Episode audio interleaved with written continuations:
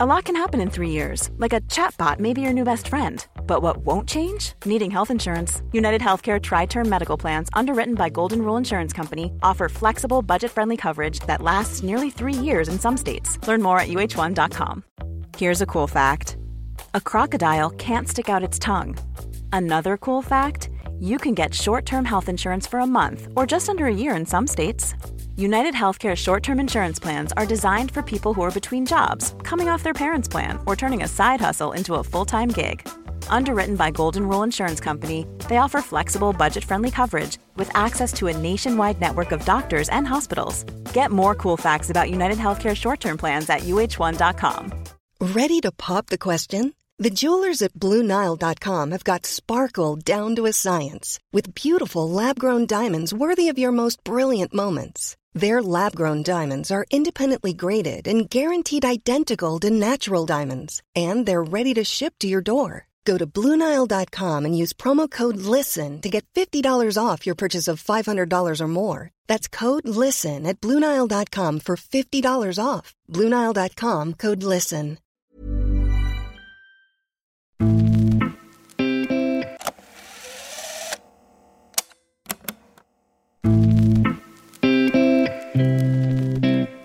Två landskamper återstår innan Peter Gerhardsson ska ta ut truppen till sommarens VM i Nya Zeeland och Australien.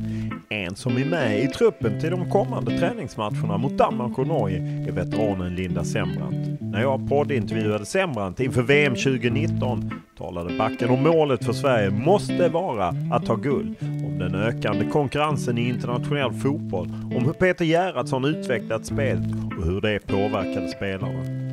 Sembrant talade även om allsvenskans dalande status, om storklubbarnas satsningar ute i Europa och om varför hon trodde sig få oerhört svårt att sluta spela fotboll.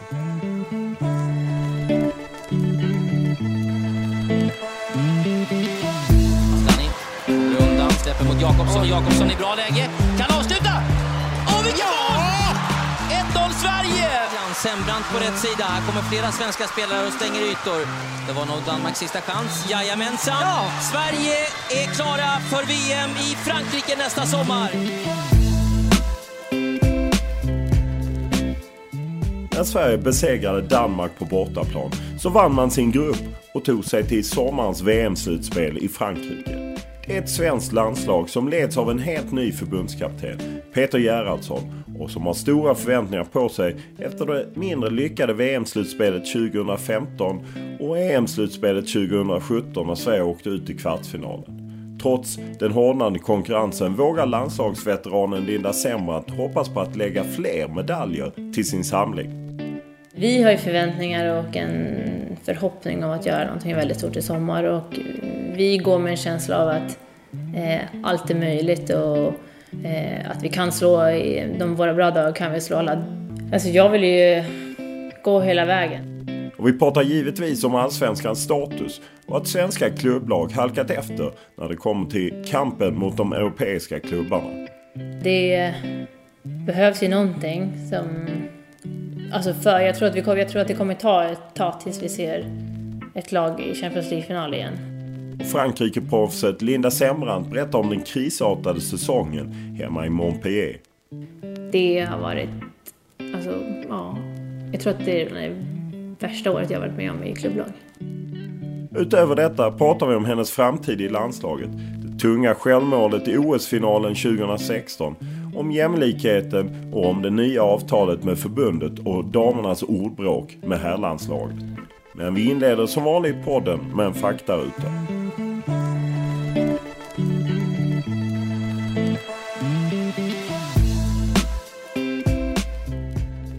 Ålder?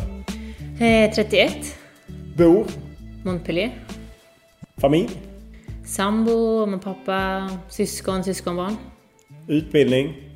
Ehm, första steget på fotbollsutbildningen. Eh, plus eh, lite ekonomi. Lön? Bra. Bil?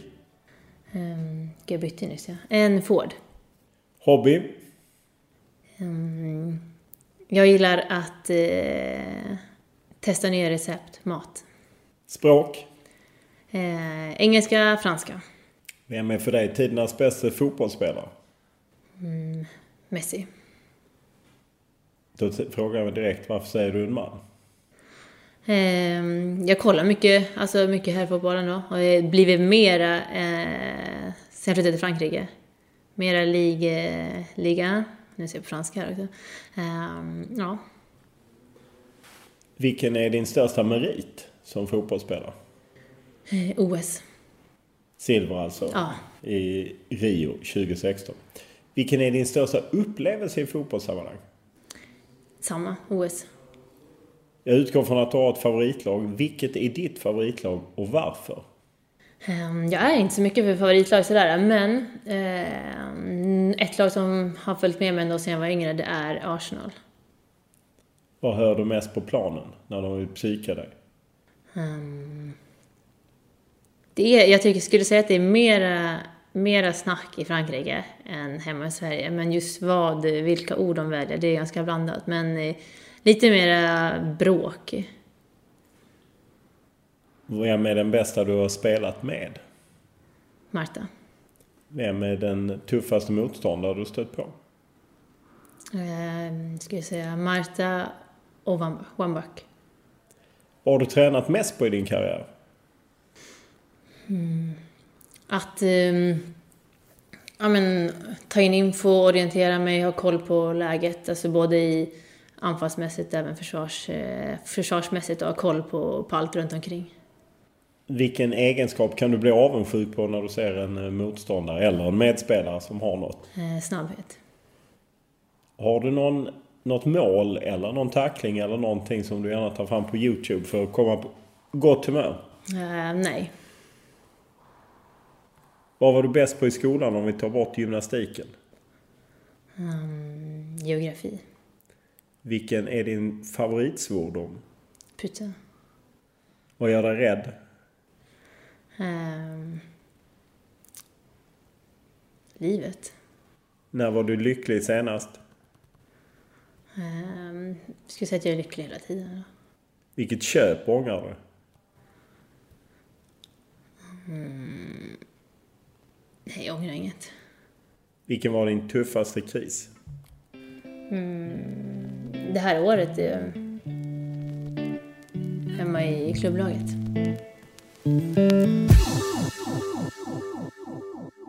Här är Hammarström. Gör det kyligt. Lägger bollen till rätta. Hammarström skjuter då. Hammarström i mål! Maria Hammarström gör sitt första landslagsmål! Rakt upp i klykan! Rakt upp i krysset! Oj, oj, oj! Och Sverige tar VM-brons. Det är otroligt starkt. Det är helt sjukt starkt. Det är makalöst att eh, Sverige tar ett VM-brons.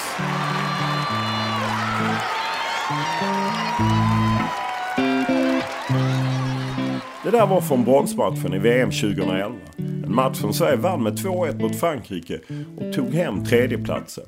Det blev också Linda Sembrants första mästerskapsmedalj i landslagströjan. 2016 tog hon sina andra när det blev OS-silver i Rio de Janeiro där Sverige föll mot Tyskland i finalen. I sommar talar allt för att förbundskapten Peter Gerhardsson tar ut henne till VM i Frankrike. Och trots en tuffare konkurrens internationellt hoppas Sembrant få lägga ännu ädlare medaljer till samlingen.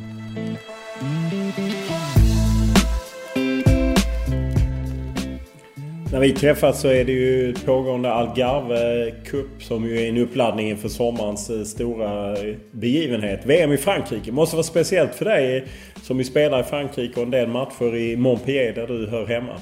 Eh, ja, väldigt speciellt. Var väldigt glad när jag fick höra att Montpellier var en av städerna.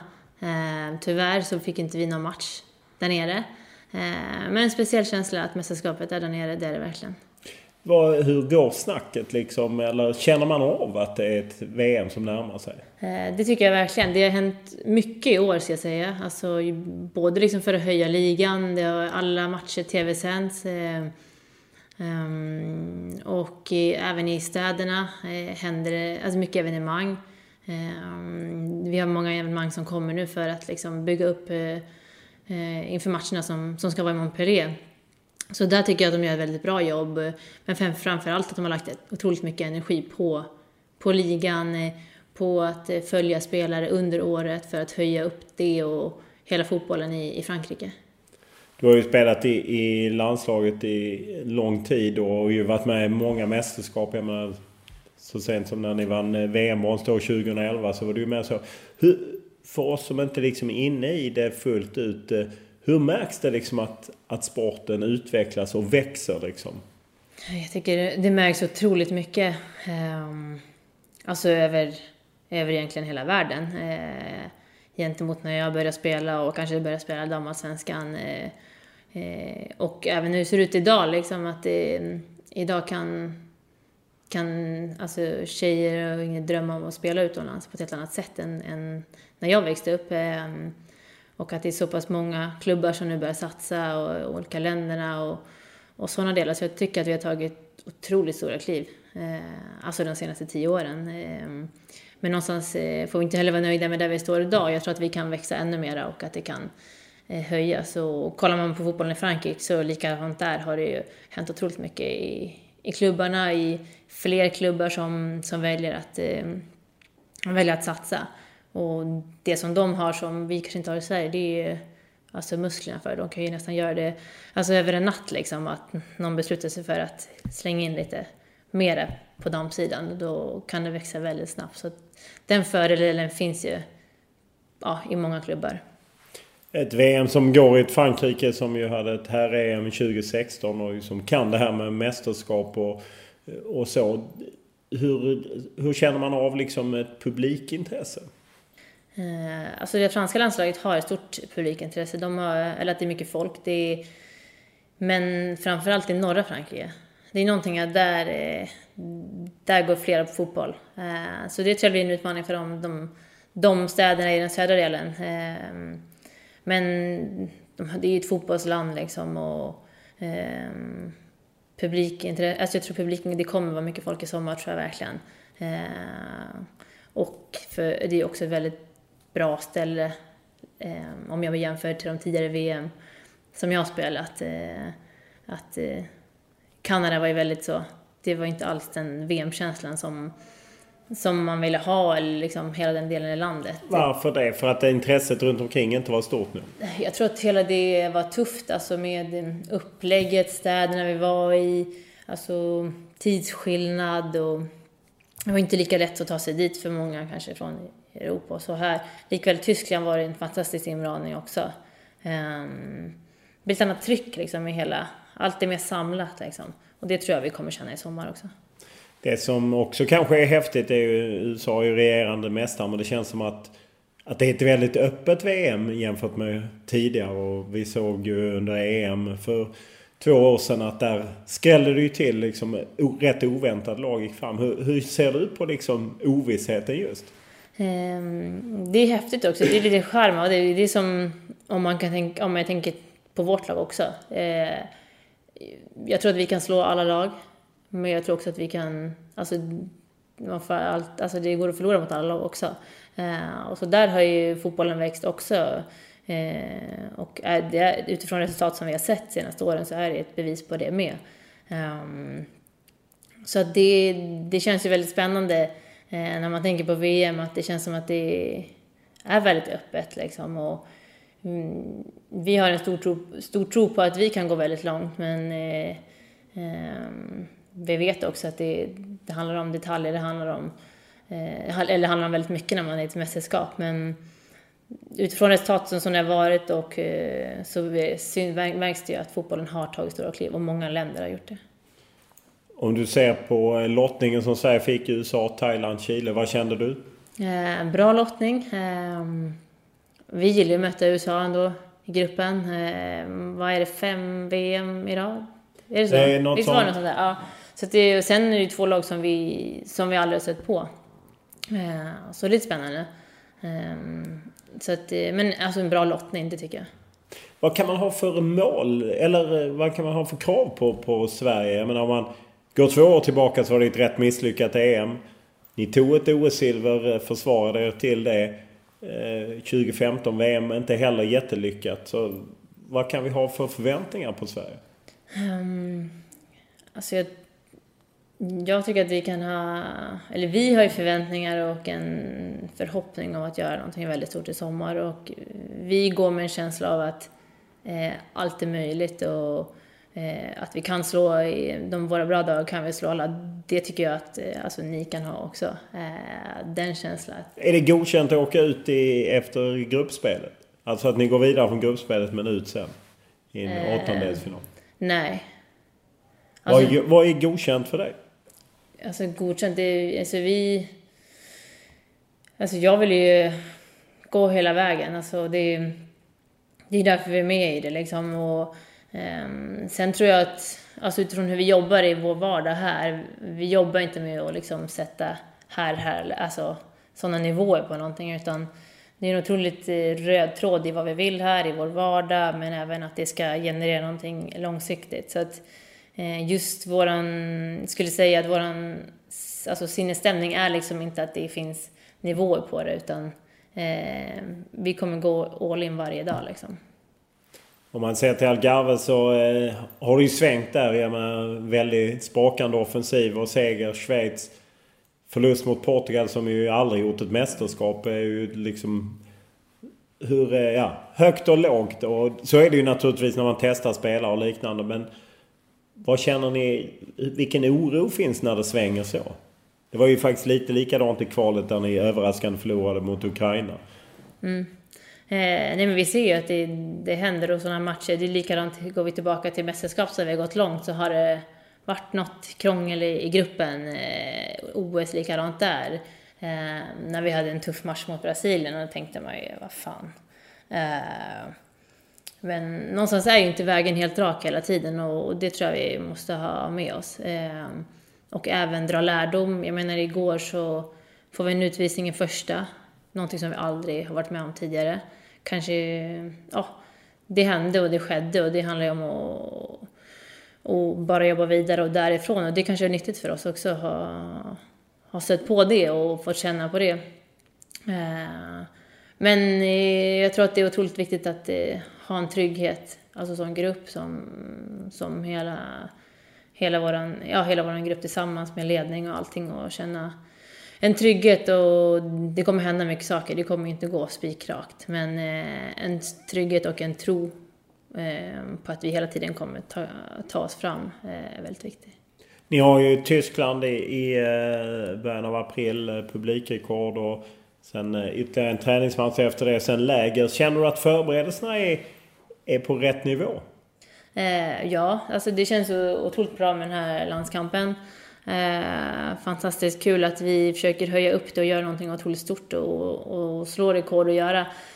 Alltså jag tror kan vi få en fantastisk publik där så kommer vi ha med oss eh, alltså, den känslan också in i, in i VM. Eh, men eh, en alltså, bra, bra match och likadant här, Algarve tror jag är otroligt viktigt att det är tre matcher och inte fyra. Ehm, så det är en bra förändring de har gjort. Så att våra förberedelser känns eh, som alltid alltså välplanerade och, och bra. Att man eh, under eh, VM inte har en bas utan flyttar runt i spelorter. Hur ser du på det? lite speciellt ändå. Det är, mm, kanske mer flytt, vi får flytta mer än vad man kanske hade förväntat sig eller tänkt innan. Ehm, och kanske och, velat? Ja, det är såklart att det det är bra att vara på samma, eller bra, men det är något som man, att det var strukturerat. Man tyckte det kanske var lite mm, konstigt att vi ska upp i nordvästra, vi ska ner och vi ska upp liksom i gruppen och sådana delar. Ehm, men det är så de har lagt upp mästerskapet i, i år och ehm, nu, VM, alltså det är en till vilodag mellan än vad det var alltså OS med tre, så det ger oss också att få den förflyttningen ganska fort som möjligt efter en match för att hitta sitt nya läger liksom. Ehm, men jag tror det är bara, det är sådana grejer som, vi vet vad, vad som kommer hända, vi vet att det är på det sättet. Så det är något att bara glida med liksom. Så att det, det är också alltid så i mästerskap viktigt att alla sådana små moment som kan ta energi, att inte få göra det. Att vi vet eh, alltså vårt upplägg och det här kommer ske. Men för hela tiden i mästerskap tror jag det är otroligt viktigt att allt, allt, alltså för varje, från varje individ, att allt sånt här smått, eh, det får inte läcka energi. Alltså vi måste hålla det hårt, alltså ta vara på, på gruppen och hela tiden positivitet och allt sånt. Så inget energi på såna här grejer som vi faktiskt inte kan påverka heller, det är bara att hänga på. Landslagschefen Marika Domanski Lyfors har ju redan lagt lite energi för hon har ju klagat på att det är liksom lite tätt emellan. Beroende på var man är i vilken grupp så kan det bli väldigt stor skillnad i antalet vilodagar. Jag tror det är från två till fem. Eh, men det får hon lägga energi på. Ni skippar det då? Eh, ja, hon eh, har redan en, alltså, talat om det för oss. Det är den delen att det var med matchdagar beroende på var man hamnar i gruppen. Eh, och så där tror jag att hon har lagt energi och krut för att det någonstans är ju en, okej okay, någon, någon dag, men det är otroligt stor skillnad att ha, vad är det nu var det, tre eller fem, sex dagar. Eh, så den, det är väl mer ett upplägg som kanske måste tänka, alltså tänk ut, ut, eller för, för kommande mästerskap. Men som Marika är otroligt duktig på, hon, det här, det här lägger inte ner, det här är min del och eh, nu är det som det är liksom. Så där är hon klockren med oss liksom, ger oss info men så det är klart att det blir någonting av det så att det, eh, ehm, det, det kör hon nu. Du har ju haft eh, både Thomas Steneby och Pia Sundhage i mästerskap nu. Eh, Peter Gerhardsson, ännu inte i ett mästerskap, men har ju tagit det igenom ett kval. Hur är han som tränare? Um, men de är väldigt duktiga. Jag tycker att de är extremt noggranna. Direkt när de klev in. Um, satte direkt uh, um, sitt spår och vad de ville. Uh, har hela tiden en röd tråd. Alltså hela tiden, i alla träningar. Det hänger på hela tiden. Eh, och mycket, alltså mycket prata om detaljer. Eh, så det tycker jag har varit jäkligt kul. Det är, alltså en, fotboll jag tycker att det är väldigt kul att spela, eh, vara en del av. Eh, som är väldigt metodiska och så fotbollskunniga. Eh, Hur stor skillnad är det mot söndagen? När jag intervjuade din kollega Caroline Seger så tyckte hon att det var stor skillnad i liksom att Pia var mer inspiratör. Detta är ja, mer eh, fokuserat på just en röd tråd och taktik och struktur. Mm, ja, alltså de är såklart väldigt olika. Eh, Pia som du ser är en otroligt stor ja, inspiratör. Hon har gjort otroligt mycket för oss och för, för damfotbollen och, och allting. Eh, um, så att där, där skiljer de sig just tror jag så i, i träning och vad vi gör och vi pratar liksom. Um, men det som verkligen, struktur som du säger, det är en del som de är verkligen inne på. Som vi jobbar egentligen dagligen med här och, och hålla det. Och, och även roller. Jag tycker att de, alltså de är väldigt tydliga. Jag tänkte, när de kom in i början tänkte jag, vad, vad är det för system vi spelar? Alltså för ofta pratar man mycket system, likväl som ni kanske i början frågar, vad kör ni för system? Och det är som att, jag vet inte. Um, för att det är liksom inte det som är nyckeln för dem, utan det är alltså rollerna och där är de otroligt tydliga med vad som förväntas av varje individ. Um, vilket har gett liksom, trygghet till, till alla, vilket har gett att alla kan känna att de kan prestera. Eh, och att det är tydligt vad, vad Peter och Magnus vill ha ut. Ja, vad är det de vill ha ut? Hur vill de att ni ska spela när det är... Ja, alltså det är väldigt metodiskt liksom. Spela um, från lagdel till lagdel. Um, alltså jobba, jobba oss fram och vara alltså så bollhållande vi bara kan vara egentligen i matcherna. Och styra tempo och, och allt sånt. Ta oss fram och skapa, alltså skapa målchanser på på egen hand. Um, så att det är otroligt metodiskt och i, sitt, i, sitt, ja, um, i sitt spel. Mer spelande än chansartat eller alltså det är ett mer bollägande inriktat mm. spel än att slå långt och rakt och enkelt. Ja, det är det absolut. Det mer hela tiden boll, alltså bollhållande och Eh, att det, allting ska vara med kontroll liksom och mm, detaljpassningen, detaljer, passningen, vilken fot ska den sitta på, man vinner tid på, och vi, alltså taktiskt sett liksom utifrån vad motståndare är och mm, sådana delar. Så att det, det, är hela tiden med oss, hela tiden, den taktiska delarna och den, ja, att ha kontroll egentligen i vårt passningsspel. Hur ser du på den eh, kvalitet på spelare som finns i truppen och den spelidé eller spelsystem som Peter Gerhardsson har. Går det ihop? Ja, eh, det jag tycker är häftigt är att se alltså spelare, att, alltså, att vi får ut eh, så mycket av, eh, av varje spelare. Jag tycker jämföra med franska spelarna, de har en fantastisk teknik, skick, individuellt skickliga. Det, vi är inte i närheten. Alltså, de kan ju nästan, om de ser någon, någon match när vi spelar, så de bara, men ni har ingen teknik. Eller liksom nästan till så. Säger de det? Nej men ja, det kan ju ändå komma någon så här peak-kommentar liksom, bara vad helvete är det? Så att, men vi har ju som, ja, vi har ju mycket annat så där de inte är i närheten av vad vi gör liksom. Eh, men, ehm, så jag tror att just det vad vi jobbar mycket med här är ju de här taktiska delarna. Eh, och sen såklart ha en funktionell teknik. Det är någonting som, eller jag växte upp med liksom. Du behöver inte ha världens teknik men du ska kunna hantera dina båda fötter och ta emot bollen med båda fötterna, leverera en passning liksom.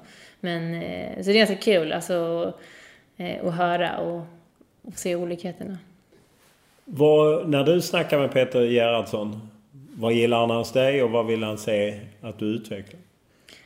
Um, alltså de, för min egen del tror jag det är mycket alltså min, min speluppfattning, um, mitt sätt att ja, men spela upp bollen, ehm, hur jag positionerar mig och, och, få ut det och få sätta upp min nästa lagdel i en bra situation. Hitta spelare som, som kan bli rättvända och hota mot backlinjen till exempel. Och, så mitt passningsspel, alltså offensivt, offensivt och även att jag styr, eh, styr mycket i min backlinje, snackar mycket.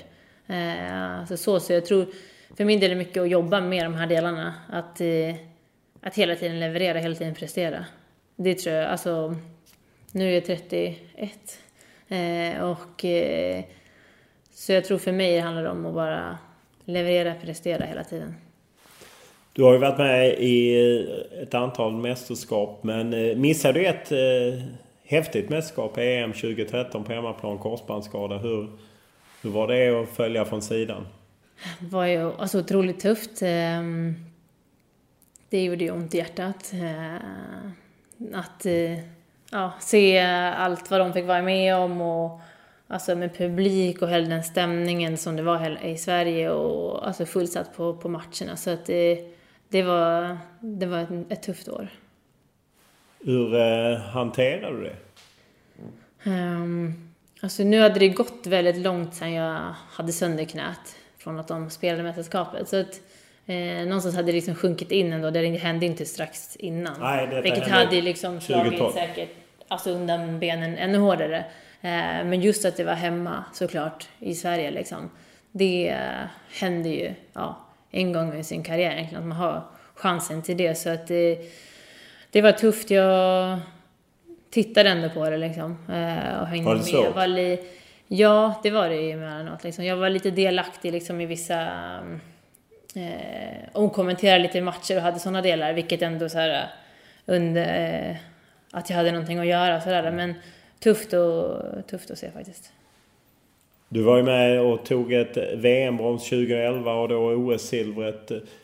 Vad är det som skiljer sådana turneringar från VM 2015 och EM 2017? Alltså där man åker hem eh, till hyllningar och fest kontra där man nästan smyger hem. Mm, um, Alltså om man jämför de två VM som vi haft så inför 15 har det varit otroligt mycket skador. Eh, vi åkte egentligen dit med en trupp där det var ganska många spelare som man inte riktigt visste eh, fysiskt sett hur de var och status på det. Och jag tror för att nå långt i ett mästerskap behöver jag ha en hel trupp. Ehm, alltså ha alltså erfarna spelare som presterar. Eh, och liksom ha lite, lite flyt någonstans behöver du. Ehm, men alltså en hel, de gångerna vi lyckas, då har det att helheten har blivit väldigt bra. Eh, alltså som jag minns tillbaka, liksom VM 2011, OS. Alltså det har varit en, en speciell känsla ändå. Uh, kan man känna det tidigt i en turnering? Nej, det kan jag inte säga heller. För det var ju tufft exempelvis i OS när vi åkte på, vad var det, 5-1? Ja, mot, mot Brasilien. Brasilien. Så då var det ju liksom just där och då var ju det tufft liksom. Men eh, jag tror det just i OS liksom efter gruppen och vi stannade kvar på samma ställe och visste att USA skulle komma. Uh, var något speciellt liksom. Och sen kändes vi kändes ju ganska oslagbara egentligen. Uh, så vi var alltså så det är mycket alltså detaljer som spelar in men i en helhet som ska funka ändå. Och där i OS-finalen eh, Tyskland och eh, du är inblandad i ett av målen som rasslar in. Hur, hur länge efter en sån final spelar man upp det eller firar man bara ett silver? Uh, nej, det var svårt. Alltså det var väldigt märkligt kan jag säga. Um, det var alltså en balansgång och, och känna liksom den stolthet jag ändå hade utifrån det mästerskapet jag hade gjort. Eh, och vad vi hade åstadkommit för att någonstans hade vi gjort någonting alltså, enormt liksom. Till eh, alltså, en del här som förstörde den känslan. Eh, så det var alltså någonting jag typ, ja, fick hantera liksom och försöka hålla det liksom, ja, men lite typ som en grej på sidan och en sak och liksom försöka få de andra känslorna att vara större. Men det var, alltså det var svårt. Hur upplevde du själva händelsen? Eh, jag har ju inte sett den efter. Eh, jag vill inte se den heller. Varför inte? Nej, alltså... Jag vet inte, jag tror att... Nej, det ger mig ingenting liksom. Eh, alltså jag minns att det var ju... Vi var ju...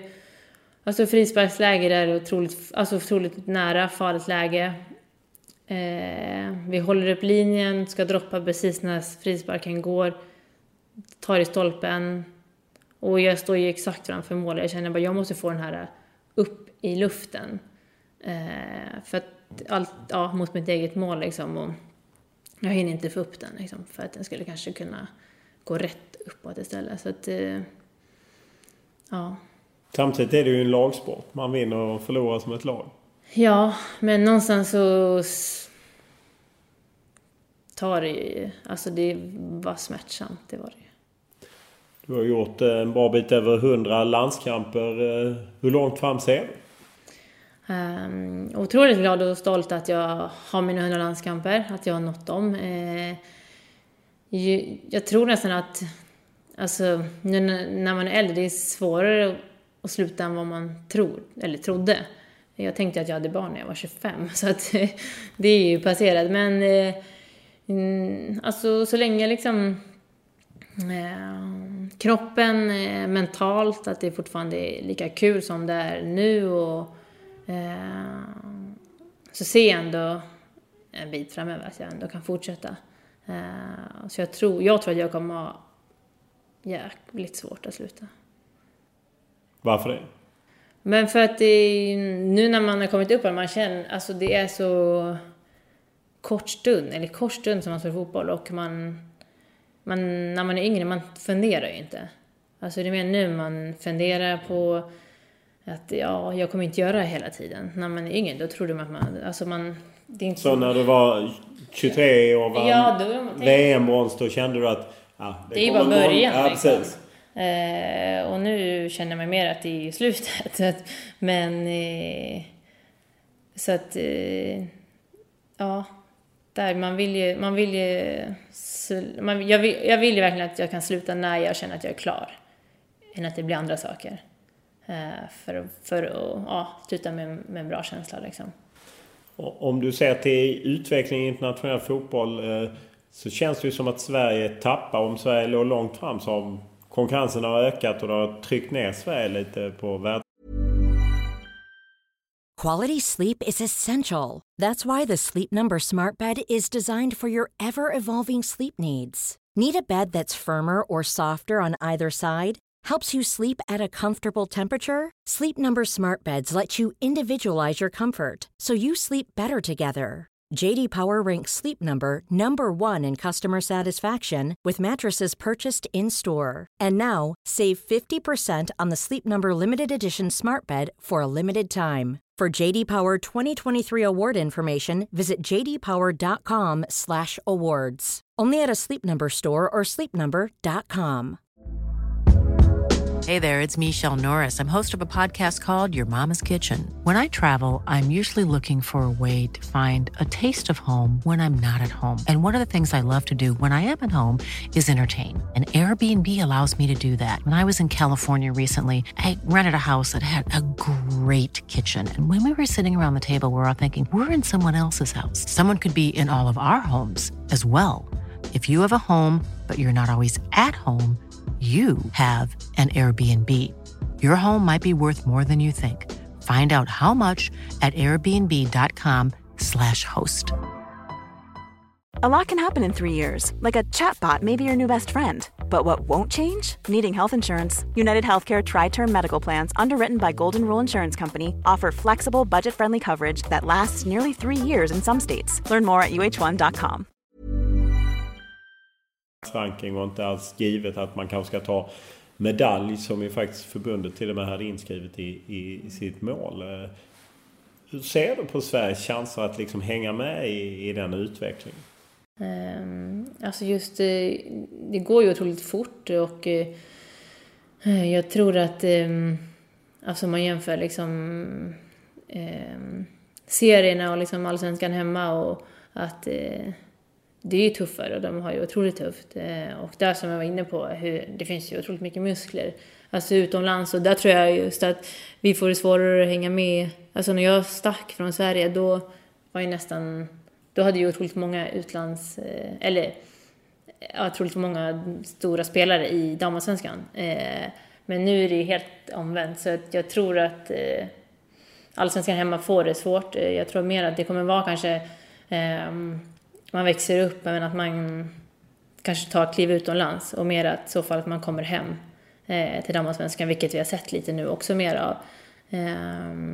Men sen som du är inne på, jag, vi, utifrån vart vi är och hur, ja men det står att vi ska ta medalj. Eh, för att det säkert stått där väldigt länge. Ja, det har stått så. I... Men eh, alltså någonstans är det väldigt eh, ja, inspirerande också. Jag men, vill också återigen typ diskutera med Frankrike utifrån vad de har. Eh, alltså spelartruppen, de har ju inte en medalj. Men de är ju rankade i topp tre. Men de har inte fått hem en medalj och där någonstans har vi lyckats med väldigt mycket. Eh, vilket vi ska vara stolta över. Och, och ha. Så att eh, någonstans vill man ju, man vill ju ha den där, eh, alltså någonting som triggar en också. Att vi, vi är ett, ändå ett, ett land som har tagit mycket medaljer. Och vi vill att det ska fortsätta vara så, men det krävs ju otroligt mycket såklart också. Om man tittar på landslagstruppen så är de tongivande spelarna är ju lite äldre. Jag menar man såg Guardian hade en lista 100 bästa spelarna i världen. Nilla Fischer högsta svenska 26 och det var fem totalt. Jag tror Caroline Seger plats 80. Och så att för tio år sedan hade ju den listan sett annorlunda ut. Svenskar längre fram och, och liknande. Det känns som att det fylls inte på med talanger i samma utsträckning. Mm. Alltså, ja, jag vet inte. Sen för mig är det, det är en lista också. Men eh, eh, vi måste, jag tror verkligen, vi måste verkligen värna om eh, vår utveckling. Eh, och hur vi tar hand om de som kommer upp. För att eh, vi har inte hur många som helst att välja mellan som vissa andra länder har. Det är inte, presterar inte någon tillräckligt så byts den bara. Så att, eh, eh där behöver vi, vi vara mera slu, alltså, samarbeta för att verkligen ta tillvara på, på alla ungdomar, på alla liksom för att det för att fortfarande vara där uppe och konkurrera. För det, det är inte, alltså om man kollar så länder emellan så är det en stor, alltså stor skillnad liksom. Um, så jag tror vårat blir verkligen att ta, ta hand om och fortsätta med, för vi gör ju många saker otroligt bra. Det är, alltså har vi kvitton på liksom. Um, så fortsätta med det. När eh, VM blåses av 7 juli i sommar, var, vilken placering har du Sverige på? Det, det återstår att se med en... Um, ja, som jag var inne på, uh, vi har en stor tro på oss och uh, varje dag kommer vi alltså gå all in för att eh, stanna kvar där ända till den sjunde. Final helt enkelt? I Paris? Det, nej, det är Nej, Lyon. det är inte i Paris. Ja. Lyon. Öppningsmatchen Parc des Princes och finalen är Exakt. i Lyon. Det är där ni... Dit vi vill. Ja, då får vi se fram emot det. Mm. Det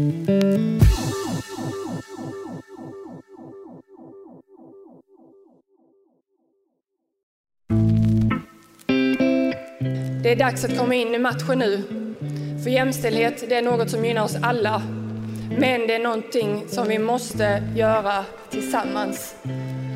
Och helt ärligt, we have no more facts to give. Tack!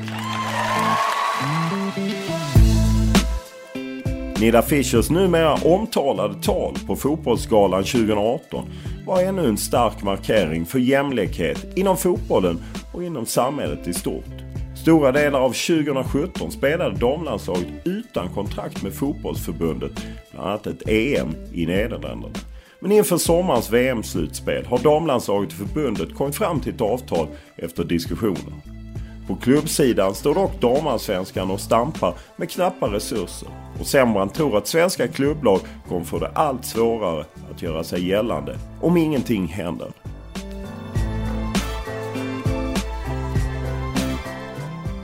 Du är inne på eh, femte säsongen i Montpellier och är ju kapten där också.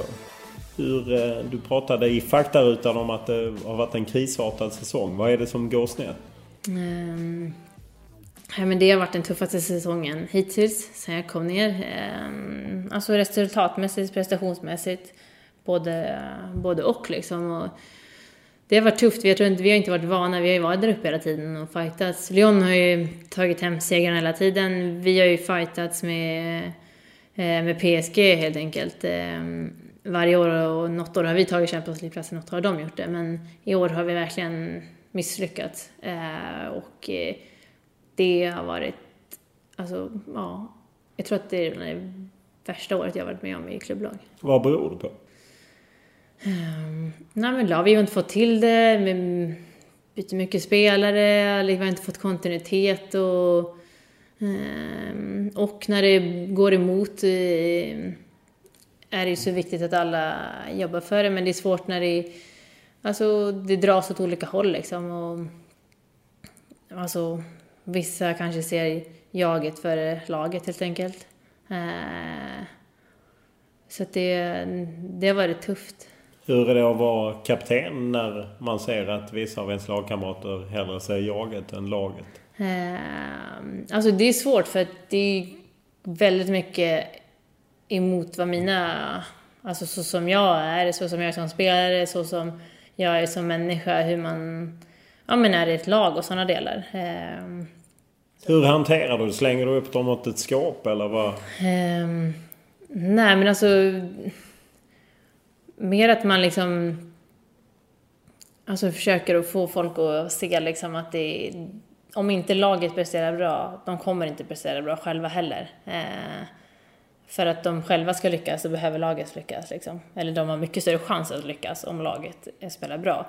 Så att det, där tror jag mycket att det är folk också kanske liksom i svängen, det är ja, för VM, man vill prestera och det är liksom man är så ivrig på sitt liksom. Och, eh, men någonstans de matcherna vi har lyckats har vi ju gjort det bättre kollektivt. Så att det... Ni är ju långt efter både PSG och Lyon som ju leder och ni är ute ur kuppen och så. så att är det liksom en säsong som man redan kan skriva av på något sätt? Eh, ja, alltså det var ju tufft. Sen när vi klev in i kuppen efter julen så torskade vi direkt. Så fick man en ny smäll. Man tänkte så här, våren, då har vi en, nu kör vi, försöker gå till final i kuppen men då kommer den smällen direkt liksom. Så att eh, eh det har liksom varit så här, kommer liten grej på grej och eh, men någonstans måste man ju försöka hålla det uppe hela vägen in. Nu har vi fem matcher kvar och eh, alltså avsluta det bra för, alltså för oss spelare skull, för klubben, för presidenten. Eh, ja, han är inte nöjd liksom. Eh, Hur har han framfört det? Nej, men det känner man liksom att det är... Eh, att det inte är de gladaste minerna som det har varit. Alltså, alltså, Känner du av det mer som kapten? Eh, ja, ibland liksom. Men sen har han också varit... Eh, alltså vi blev inkallade på ett möte liksom och då... Sen är han väldigt... Nu är han ny, ja men du kommer ihåg när, alltså våran president gick ju bort. Ja just det. Louis Nicolin gick Exakt. bort 2014 mm. som var väldigt omskriven person. Mm. Men så att ni har en ny president. Eller han, det är hans son som... Ja. Är han lika färgstark? Eh, han, jag alltså, gillar dem och hela den familjen otroligt mycket. Alltså väldigt varma, vänliga människor liksom. Eh, så det är alltså lite så här familjekänsla i den här klubben liksom. Eh, men då när presidenten när han gick bort så var det ju, det var ju som en chock för, för allt och alla liksom. För det var ingenting vi förväntade oss skulle hända då. Så det var ju lite, man fyllde han 74 och det var när klubben fyllde 40 va? För det startade ju, han startade 74. Han blev 74 så det var ju så lite, och han gick bort på sin födelsedag. Alltså det var ju mycket så här, vad fan. Men så då var ju lite klubben i chock liksom. Men som sagt, hans son var redan inne i det sen tidigare och liksom höll på så att det, han har ju tagit över allting. Och, men det är han som kallar er till ett möte? Det är han, exakt, för att komma tillbaka till det, det är han som har... Men de, så han är väl med... Alltså varit så att det är inte liksom bra nog, men han har ju all, alltså han har all rätt liksom. Det är, vi vet ju själva att det inte är tillräckligt det vi har gjort i år. Utifrån förväntningarna från klubben, vad han gör, vad han lägger in och utifrån, alltså vi vet ju det själva också. Liksom. Ni är ju ett gäng eh, svenskor i klubben. Blir det så att ni hänger eller hänger alla i, i laget? Eh, nej, det är ganska alltså, blandat och nu tror jag, alltså när jag varit, eller varit här nere väldigt länge, eh, så alltså, jag är ganska inne med alltså, franskan och allting. Så att det är inget speciellt sådär utan det är mera Alltså så att vi, man hänger med dem man, man umgås mest med. Hur ser du på eh, framtiden i, eh, i Montpellier? Är det liksom, kör du vidare där eller? Eh, in, ja, mitt, eller mitt kontrakt går ut nu i sommar så att ingenting, ingenting påskrivet, ingenting klart liksom. Men jag trivs ju väldigt bra. Ehm, och sådär och också för min del, jag alltså kan franska nu bra, det kunde jag inte innan liksom. Det är inte ett ord kunde jag eller.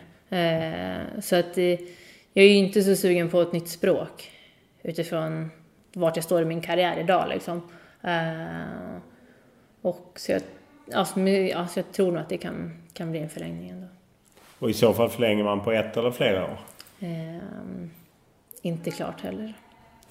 Du vill inte prata klart? Uh, du vill hellre ha flera år helt enkelt? Uh, alltså det är alltid så. Det kan ju, alltså positivt utifrån vart jag, vart jag är har du agent som hjälper dig? Ja, ja. Alltså, det, alltså när man åker utomlands, jag förstod inte ett ord i kontraktet. Just att man skrev ju på något där, det var ju bara ord. Så att eh, det, det behövdes. Hur bra står sig ett kontrakt i Montpellier jämfört med att spela för en allsvensk toppklubb? Nu kom ju du från Tyresö där de ju hade höga ersättningar utan täckning. Mm. Men hur, hur, bra står sig ett kontrakt i Montpellier? Ja, det är klart, det skiljer sig, det gör det ju. Eh, det gör det och där eh, alltså är det ju enklare, eller enklare, men alltså utifrån att det är som i Sverige där vi behöver få in sponsorer hela tiden och det är tufft ekonomiskt. Det, där är det ju mer så här, vad, vad, vill han, vad vill han sätta för siffror?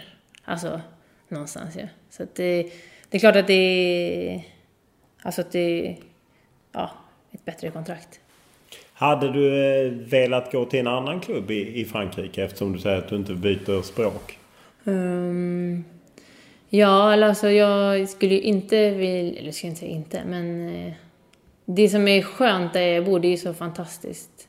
Alltså smidigt med allting. Eh, det ligger ju ja, väldigt härligt vid längs Rivieran och det är nära, det är enkelt att ta sig. Alltså man åker liksom fem minuter innan träningen och allt sådär. Det tror jag är en skillnad utifrån om man tänker Paris nu med de som har varit i Paris eh, här och sånt. Det är, det är mycket mera rodda och grejer. Alltså livet är ju eh, alltså väldigt bra där nere. Eh, så att... Eh...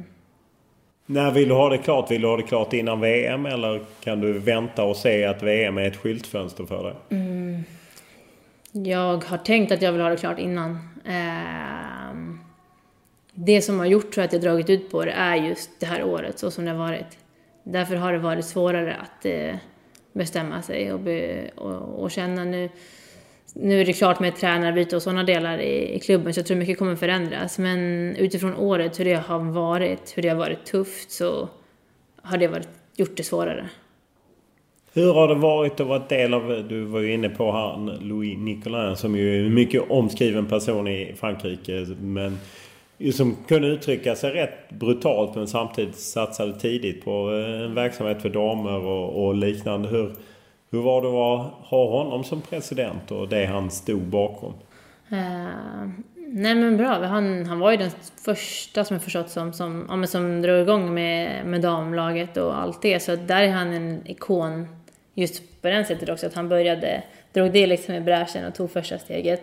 Uh, men sen känns det, när man kom ner, man var inte van med heller med det här att det var en president och, um, och just allt med ny kultur med allting så. Men uh, en fantastisk alltså en fantastisk människa och med, ja, mycket, alltså ändå humor liksom. Stort hjärta och eh, brann verkligen. Det är häftigt och jag visste inte det innan, men det är häftigt att höra hans historia, vad han har gjort och byggt upp. Eh, alltså utifrån att han var ung, att han jobbade med sin pappa som ja, hämtade soporna liksom. I den delen av stan där det är lite svårare, där arenan fortfarande ligger. Nu ska de bygga en ny, men, en ny, men eh, det varit intressant att höra hans resa och eh, hur, då, hur han har byggt upp det. Hur eh, skiljer sig förutsättningarna för Montpelliers herrar kontra Montpelliers damer? Um, det är delar, tycker jag, med... Alltså, vi har det, vi har en bra, vi har det bra liksom med, med allt uppe på anläggningen och allting och liksom saker och vi har sjukgymnast hela tiden och allt sådär. Eh, det som jag tycker är det största problemet för oss där, det är planerna. Att det är... Alltså vi har några, vi har några gräsplaner då och sen är det konstgräs och till stora delar måste vi träna på konstgräs, men vi spelar ju på gräs. Och vi bor liksom längst ner i, i södra Frankrike. Um, ja, det låter ju lite förvånande. Ja, så att där är det mest liksom och med så här små saker som man, eh, man tycker att de borde alltså bli bättre på och mera eh, små detaljer liksom. Det fördelar både här och dam liksom. Men i stora hela så har vi, vi har ju bra förutsättningar. Vi har ju ett bra, en bra vardag sådär. Hur har ligan utvecklats under de fem år du har varit där? Jag menar, under den tiden så har ju PSG pumpat in mycket pengar i sin verksamhet. Lyon har ju varit starka redan innan. Eh, jag tycker att den har gått fram mycket ändå. Eh, många lag på senaste åren nu som har lagt in mer, eh, alltså mera pengar så flera klubbar kunnat vara alltså, mer professionella eh, med träning och allting. Och det tycker jag man har sett i år. I år har den största skillnaden varit utifrån att det eh, varit svårare att slå de så kallade sämre lagen. Eh, de har växt på sig, de har eh, värvat flera spelare, så att ligan har höjts. Eh, vilket är bra, för att det någonstans var de lagen som låg längst ner, de höll ju verkligen inte måttet liksom. Men nu, och fotbollen är ju väldigt annorlunda, det går väldigt snabbt och, och sådana delar. Så det är otrolig skillnad fotbollen där och, och hemma då. En av de stora stjärnorna, Ada Hegerberg i Lyon som vräkte in mål i den konflikten med Norge. Jag gissar att det är någonting man ändå snackar om lite liksom att en av franska ligans stora stjärnor inte ska vara med i VM. Hur, hur ser du på det? Ehm, tro, alltså det är ju tråkigt så utifrån att det är en så fantastiskt stor alltså spelare och fantastiskt duktig. Ehm, så det är tråkigt att inte se henne på ja, de största arenorna. Och, ehm, ja, alltså hon har fått, det har ju varit uppe där. Alltså, Vet du vad det handlar om? Ehm, ärligt talat så har jag, är jag inte helt insatt i det liksom. Ehm, men hon verkar alltså, stå fast vid det och det hon har och senast för ett tag sedan tror jag hon fick frågan här på, på franska då, och då var hon väldigt beslutsam i, i, sitt, ja, i sitt beslut och, och så, så det känns tråkigt och, och egentligen så om man kollar liksom på det att en så pass stor spelare eh, inte är där, där i sommar egentligen. Finns det en fundering att återvända till Allsvenskan? Mm. Alltså jag saknar Sverige mycket mera än några år tillbaka. Eh, samtidigt så känner jag där jag är idag och eh,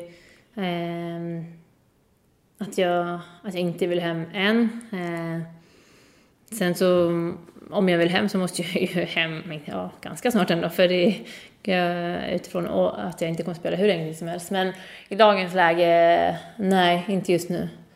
Men mycket spelar roll liksom också, alltså landslag. Eh, Alltså för att vara på en bra plats. Ehm, att du vill ett spel. För det känns ju som att allsvenskan, jag menar du var ju, du var ju i Tyresö som ju tog sig till en Champions League-final 2014. Men det var ju egentligen ja, ett eh, konkursbygge som på något sätt lyckades tråckla sig dit. Sen känns det som att svenska klubblag halkat efter precis som landslaget. Hur, hur oroande är det för den svenska ligan? Mm. Alltså det är tufft, de har det verkligen tufft. Det är vad man förstår man måste när man pratar, när vi pratar mellan varandra också liksom. Det eh, har ju alltid varit, vi har alltid haft den här ständiga, att hela tiden det är tufft varje år liksom ekonomiskt och få ihop det och eh, ja, jag vet inte, det behövs ju någonting som Alltså för, jag tror att, vi, jag tror att det kommer ta ett tag tills vi ser ett lag i Champions League-final igen. Eh, Om någonsin? Ja, men förhoppningsvis så, det vet jag, hittar vi någon, någon medicin för det. Nej, men eh, det, alltså återigen tror jag verkligen att eh, ta vara på de sakerna som vi, som vi är. Jag tycker att vi har, om jag kollar tillbaka på min karriär, liksom många alltså, tränare som är väldigt bra i Sverige ändå. Jag tror inte att många tränare utomlands är lika bra. Um, alltså, och så utifrån min erfarenhet och lite vad vi diskuterar mellan varandra liksom. Och där tror jag att vi har, eh, vi är väldigt duktiga i Sverige ändå på, och eh, behöver fortsätta vara det. För att eh, ändå om man kollar våra spelare kontra spelare utomlands så är vi ganska utbildade. Ehm, det är väl någonting som i Frankrike som de, alltså det taktiska är en stor, eller den del som de inte kanske har liksom i ryggraden. Om, om du ser till Tyresö, hur, hur frustrerande var den tiden att man på något sätt... Ni, lite blev ni ju använda och utnyttjade av liksom de som låg bakom klubben. Ehm, alltså väldigt frustrerande. Det var ju alltså under, hur många månader blir det? Egentligen kanske efter julen, nyår där och inte Champions League-finalen. Alltså de fyra, fem månaderna var ju väldigt påfrestande. Ehm, mm, det är, är samtidigt en av mina låter kanske konstigt, bästa upplevelser. Utifrån vad vi gjorde som lag, utifrån den känslan och det, den styrkan vi hade tillsammans. För någonstans var det liksom så här, vissa dagar, ska vi komma och träna imorgon? Eller vad gör vi? Jag har ingen lön den här gången heller och liksom, det, var ju bara, det var ju en stor karusell, så är det ju. Det vet jag, vet jag alla om. Liksom. Så att det en av de tuffaste alltså månaderna, men en av de häftigaste utifrån den, det bandet vi skapade mellan varandra. Ehm. Fick du ut alla pengar de är skyldiga dig?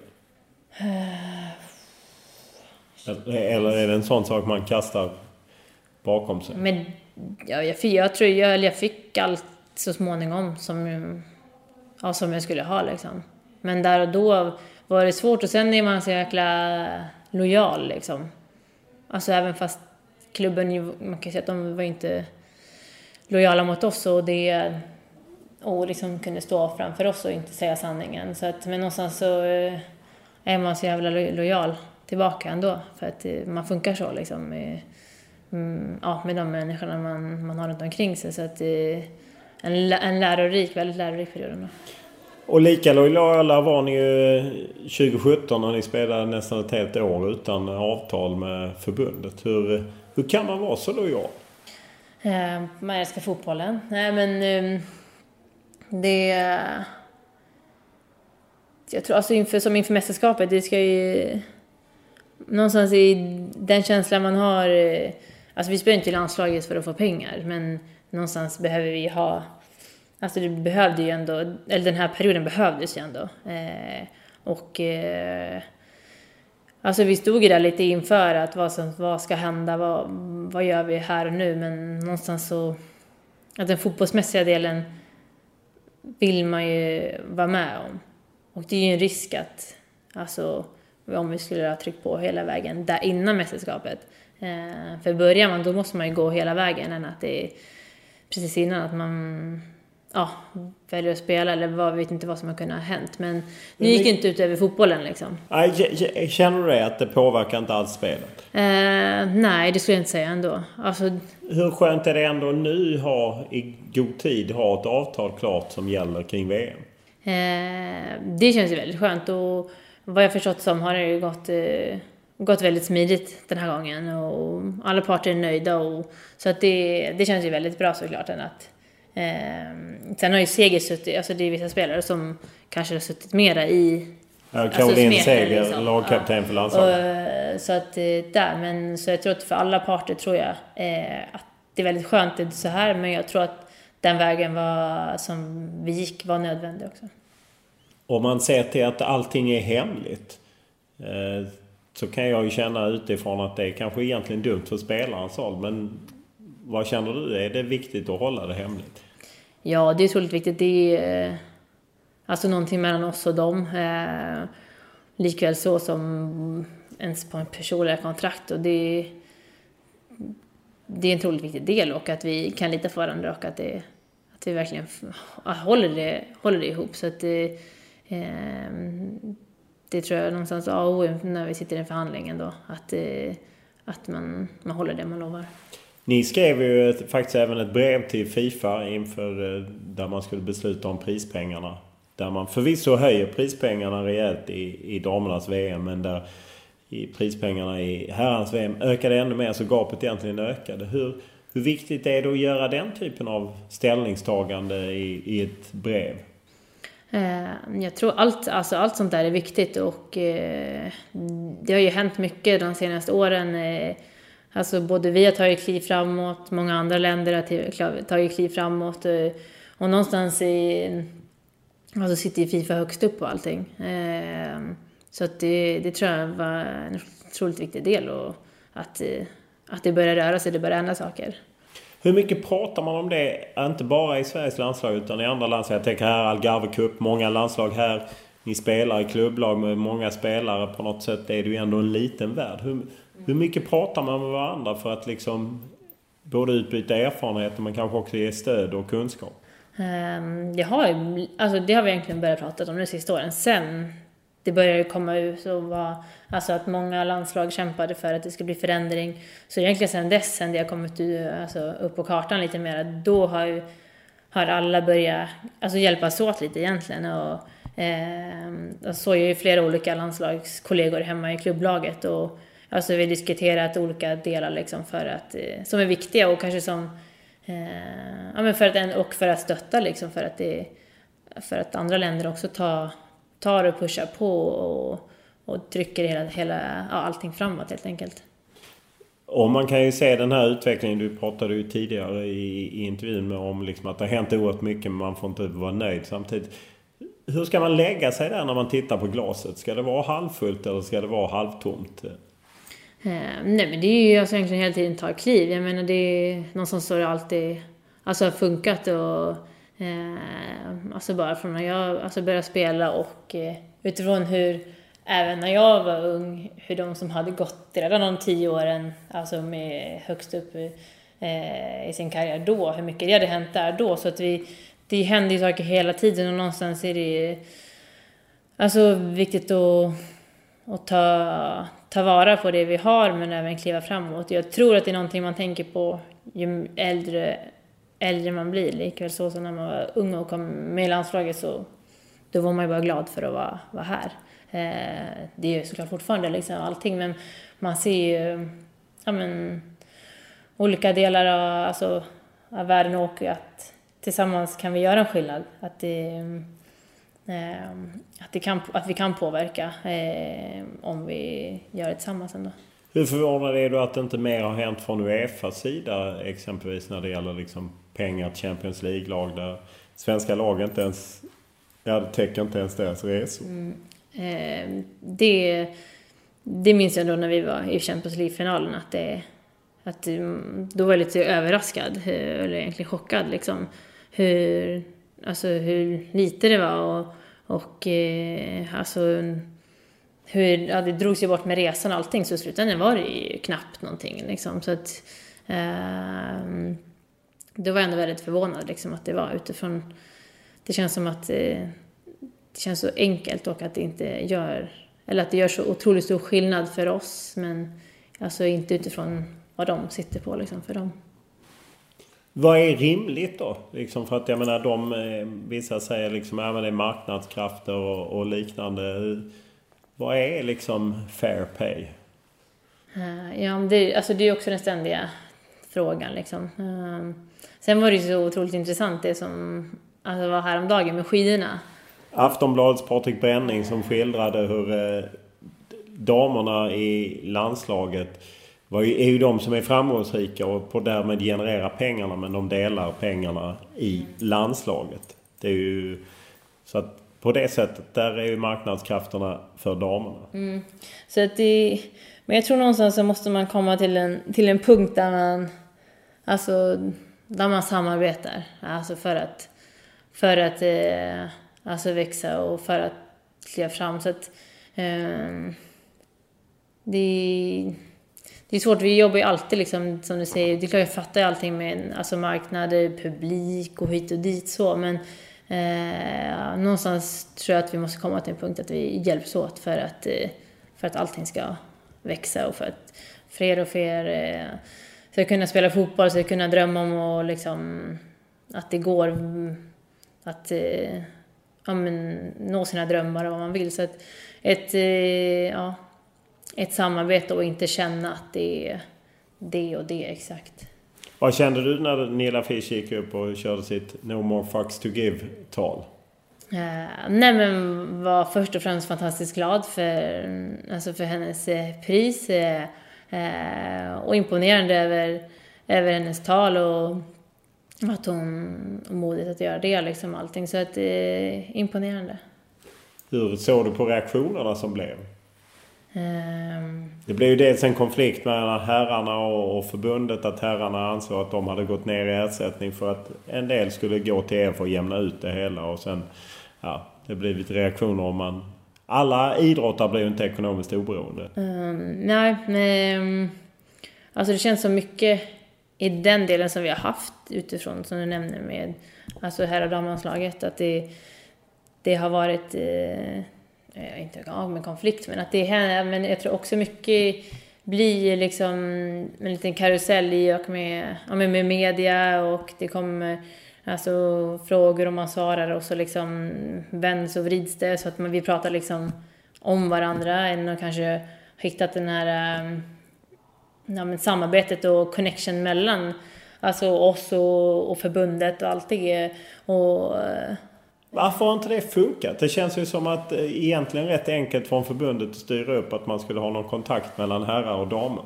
Ni spelar ju ändå för samma land. Ja, absolut. Så känns det som att det någonstans tror jag vi har dragit, alltså dragit lärdom av det och eh, att eh, min känsla av att det är lite passerat nu, att det har varit, men att det är... Men klart, jag menar, men jag tror mycket liksom blir det... Alltså media ställer frågor, alltså vi svarar på frågor jag skulle, om, om du skulle fråga, tror jag vi svarar på frågor ganska ofta om sådana saker. Och det gör faktiskt de också. Jag vet att Nida Fischer sa att det gör de inte. Men jag kan säga på fler pressträffar än vad hon är. Och vi ställer rätt ofta mm. frågor till dem också. Ja, men absolut. Och så då, det blir lite då så får man någonting om att de... Ni nämner att de har sagt det, eller de. Det blir liksom en... Nivån är ganska... Det blir lite halvtokigt liksom. Och, eh, så det har väl varit det största tror jag. Men det känns som att Alltså det är som att det är lite förbi, det är lite passé nu tror jag. Eh, och att, eh, att det är så viktigt, att jag, eller jag tycker att det är så viktigt att vi känner att vi är ja, men svenska landslagen. Eh, och att eh, ja, men vi alltså, drar nytta av varandra, samarbeta och liksom eh, ja, hitta, hitta en bra känsla för att alltså, marknadsföra oss liksom, ihop. Då tar vi sikte på ett svenskt VM-guld. I Lyon. I Lyon, inte Paris. Nej, jag, jag råkade säga fel där. Ja. Jag vet ju faktiskt att det går i Lyon. Jättebra. Stort tack för att du ställde upp. Det här var veckans podd som Olle Junell Lindberg producerat och Danne Eriksson klippt.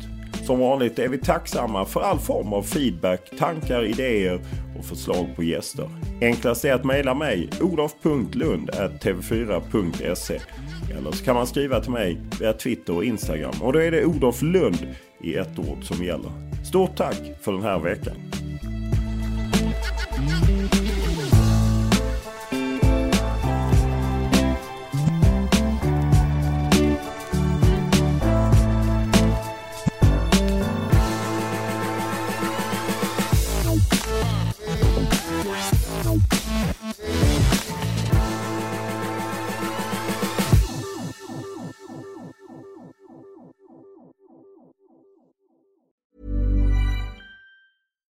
When you make decisions for your company, you look for the no-brainers. And if you have a lot of mailing to do, stamps.com is the ultimate no-brainer. It streamlines your processes to make your business more efficient, which makes you less busy. Mail checks, invoices, legal documents, and everything you need to keep your business running with Stamps.com. Seamlessly connect with every major marketplace and shopping cart. Schedule package pickups and see your cheapest and fastest shipping options from different carriers. With rates up to 89% off USPS and UPS rates. And with the Stamps.com mobile app, you can take care of mailing and shipping wherever you are. Make the same no-brainer decision as over 1 million other businesses with Stamps.com. Sign up with code PROGRAM for a four-week trial, plus free postage and a free digital scale. No long-term commitments or contracts. That's Stamps.com. Code PROGRAM. When you drive a vehicle so reliable it's backed by a 10-year, 100,000-mile limited warranty, you stop thinking about what you can't do and start doing what you never thought possible. Visit your local Kia dealer today to see what you're capable of in a vehicle that inspires confidence around every corner. Kia, movement that inspires. Call 800 333 4KIA for details. Always drive safely. Limited inventory available. Warranties include 10 year 100,000 mile powertrain and 5 year 60,000 mile basic. Warranties are limited. See retailer for details.